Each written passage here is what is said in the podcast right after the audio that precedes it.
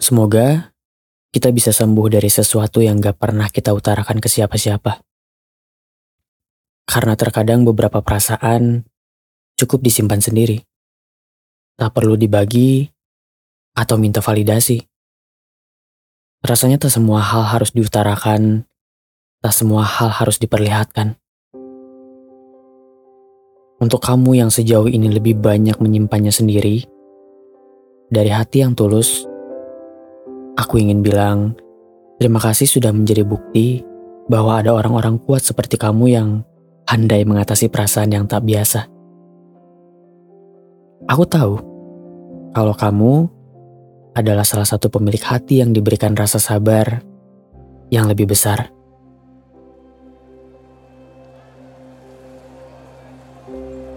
Setiap manusia diberikan jalannya sendiri untuk berkenalan dengan perasaan baru lewat kejadian setiap harinya, di waktu, tempat, dan pemeran di dalamnya, manusia belajar mengenali rasa-rasa yang sampai pada hatinya.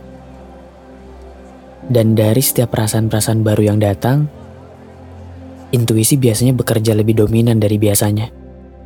Memisahkan mana perasaan yang perlu disuarakan dan mana yang perlu dirahasiakan. Khusus pada perasaan yang dirahasiakan, Tak sedikit manusia yang gagal menahannya.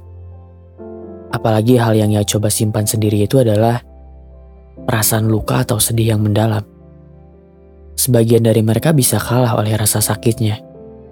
Dampaknya mereka terjebak di situasi yang membingungkan, tidak mengenali diri sendiri, mudah terbawa pengaruh orang lain, bahkan menyudahi hidupnya dengan cara yang sia-sia. Dengan perjalanan hidup yang sudah ditakdirkan, manusia memang dipaksa untuk mampu dengan baik menyeimbangkan perasaan dan pikirannya agar bisa tetap waras menghadapi babak baru setiap harinya. Karena selain menjalani, misi kita di bumi salah satunya adalah terus bertahan. Walaupun caranya kadang harus berpura-pura atau memaksa menyibukkan diri demi pengalihan perasaan-perasaan yang mengganggu. Karena dengan cara itu, Pelan-pelan hati akan berkenalan dengan perasaan luka itu, lalu mencoba berdampingan dengan lukanya. Lalu pada akhirnya, rasa menerima datang dengan sendirinya.